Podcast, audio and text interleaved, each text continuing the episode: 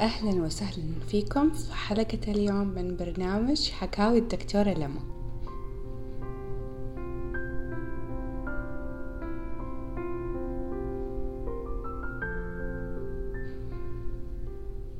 حلقة اليوم حلقة جدا جدا جدا مهمة ولازم كل النساء يسمعوا لهذا البودكاست سواء أنت متزوجة أو غير متزوجة. هنتكلم اليوم عن الالتهابات المهبلية بكل أنواعها. نبدأ حبة حبة. ركزوا معايا وحاعطيكم وقت عشان تتركوا كل اللي في يدكم وتجهزوا أموركم وتسمعوا اللي أنا حقوله بعد شوية.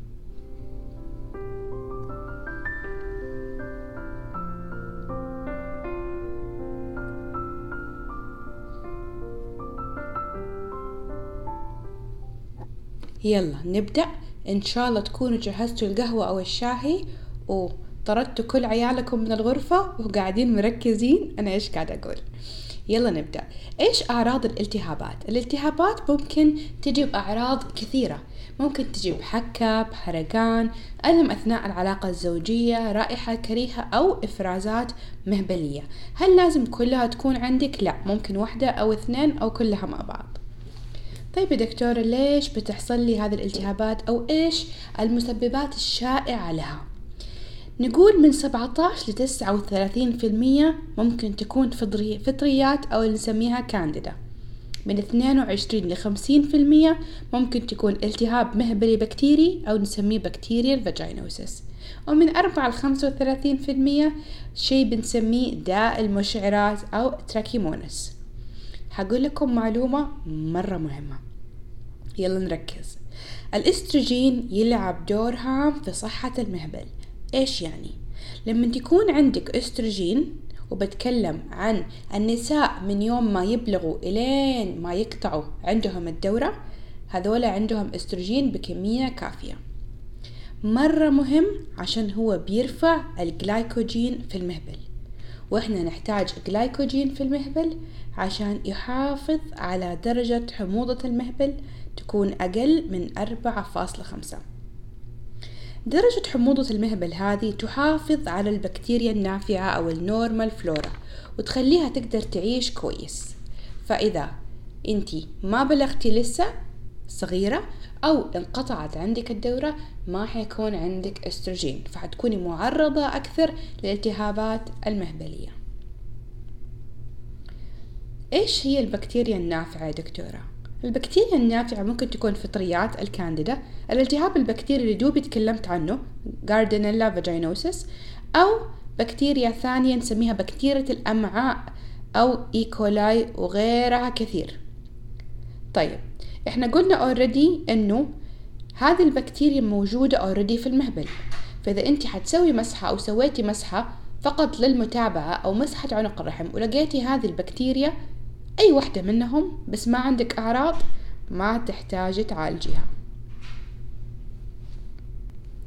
في نوعين من هذه الجراثيم أو البكتيريا تحب البيئة اللي فيها استروجين أكثر.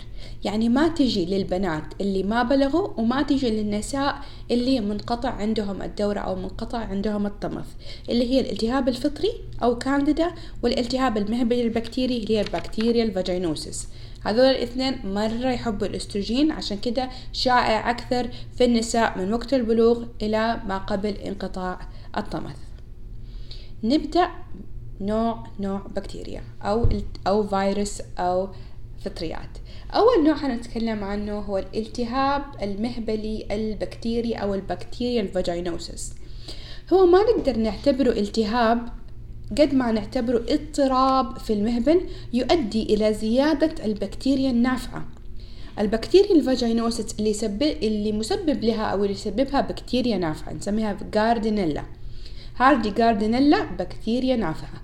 لو أي شيء يسبب اضطراب في المهبل يخليها مرة تزيد عن حدها بتصابي بال bacterial vaginosis أو التهاب المهبل البكتيري.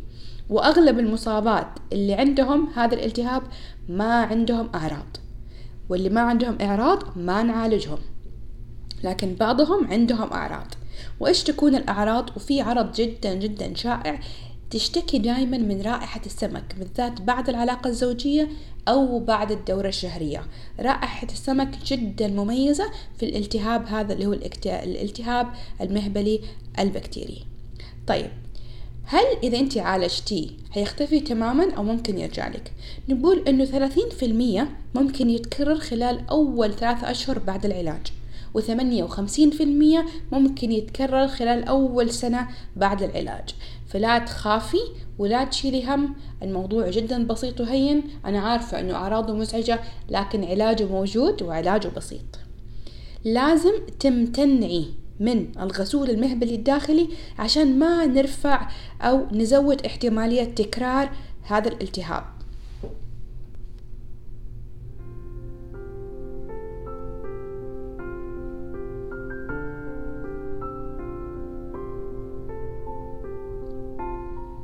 حطيت لكم شوية موسيقى عشان أتوقع موضوع ال bacterial vaginosis أو الالتهاب المهبلي البكتيري جاب لكم شوية صدمة فخليتكم تروقوا شوية.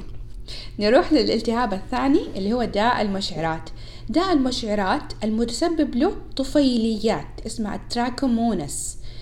هو التهاب جنسي معدي وأكثر من خمسين في المية من المصابات ما عندهم أعراض. واللي عندهم أعراض ممكن تكون عندهم. حرقان أو آلام أثناء العلاقة الزوجية إفرازات خضراء إفرازات صفراء أو حتى نزول نقط دم أو إفراز دموي أو دم أو نزيف بعد العلاقة الزوجية. هذا هو داء المشعرات. إن شاء الله ما يكون صدمة لكم لأنه حنروح للالتهاب اللي بعده اللي هو الفطريات أو الكانديدا. الالتهاب الفطريات من أكثر الالتهابات شيوعا عند البنات أو النساء. وما في وحدة ما جاها التهاب فطري على الأقل مرة واحدة في حياتها. ممكن يكون عندك كانديدا أو فطريات بس ما يكون عندك أي أعراض وفي هذا الوضع ما تحتاجي علاج. لكن إذا كان في أعراض زي حكة جدا جدا شديدة إفرازات تلاقيها بيضة متكتلة حرقان أثناء البول أو حرقان أو آلام أثناء العلاقة الزوجية وقتها نحتاج نعالج لك هي.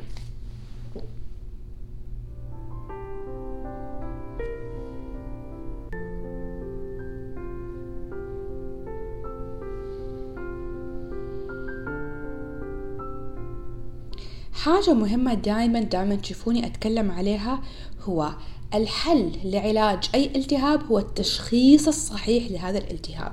عشان نشخص التهاب معين نحتاج ناخذ من المريضة تاريخها المرضي الكامل. عمرها عندها أطفال قبل كده أو لا؟ متزوجة أو لا إيش بتستخدم في الحمام؟ بتغسل المنطقة بغسول أو لا؟ هل تستخدم علاجات معينة عندها أمراض مزمنة؟ وهكذا. الموضوع شوية طويل عشان كده أول خطوة لتشخيص الالتهاب أنك تروحي للدكتورة عشان ناخذ منك تاريخ مرضي كامل. الخطوة الثانية نحتاج نعمل فحص نسائي سواء أنت متزوجة أو غير متزوجة. المتزوجة بنعمل فحص نسائي خارجي وداخلي والغير متزوجة بنعمل فحص نسائي خارجي فقط. الحاجة الثالثة اللي نسويها ناخد مسحة من الإفراج ال... سوري من الإفراز عشان نعمل تشخيص صحيح ونرسل هذه العينة للمختبر ويقولون بالضبط إيش نوع الالتهاب اللي عندك. طيب دكتورة أنا ما أبغى أروح الدكتور ما أبغى أصرف فلوس وما عندي وقت. هل في ضرر إذا استخدمت علاج بدون تشخيص طبي؟ للأسف في ضرر. أنت إذا استخدمتي علاج مثلا نقول علاج للفطريات واللي عندك ما هو فطريات أنت ممكن تسوئي الالتهاب اللي هو عندك ويسوء موضوعه ويتطور الالتهاب وممكن يوصل لأماكن ثانية داخل المهبل عنق الرحم أو الرحم. والشيء الثاني صدقيني انت جالسه تضيعي فلوس لو انت اختصرتي هذا الموضوع كله ورحتي واحدة زيارة للطبيب حتى تكون علاجك أو تشخيصك صحيح وما حتضطري تشتري علاجات. كل شوية وفي النهاية انت بتشخصي حاجة أصلا من البداية غير صحيحة. طيب نجي لموضوع شوية ثاني. دكتورة أنا بسوي مسحة عنق الرحم كل ثلاث سنوات وعملتها وقالوا لي فيها فطريات أو قالوا لي فيها التهاب آه، بكتيري أو bacterial vaginosis بس أنا ما عندي أي أعراض. هل أنا أحتاج أعالجها أو لا؟ ما تحتاجي تعالجي الفطريات أو bacterial vaginosis أو الالتهاب المهبلي البكتيري إذا ما عندك أي أعراض. لكن إذا في داء المشعرات تحتاجي تتعالجي أنت وزوجك من هذا العلاج.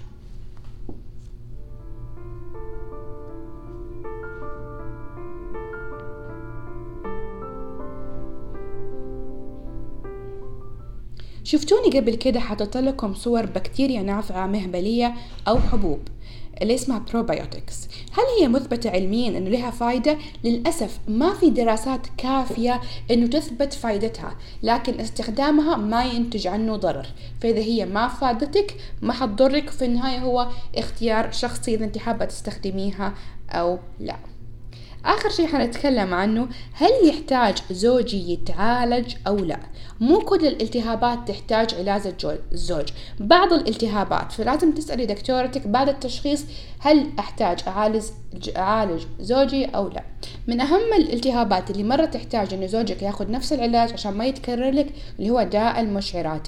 راح تستخدمي أنت الدواء وكمان زوجك يستخدم الدواء.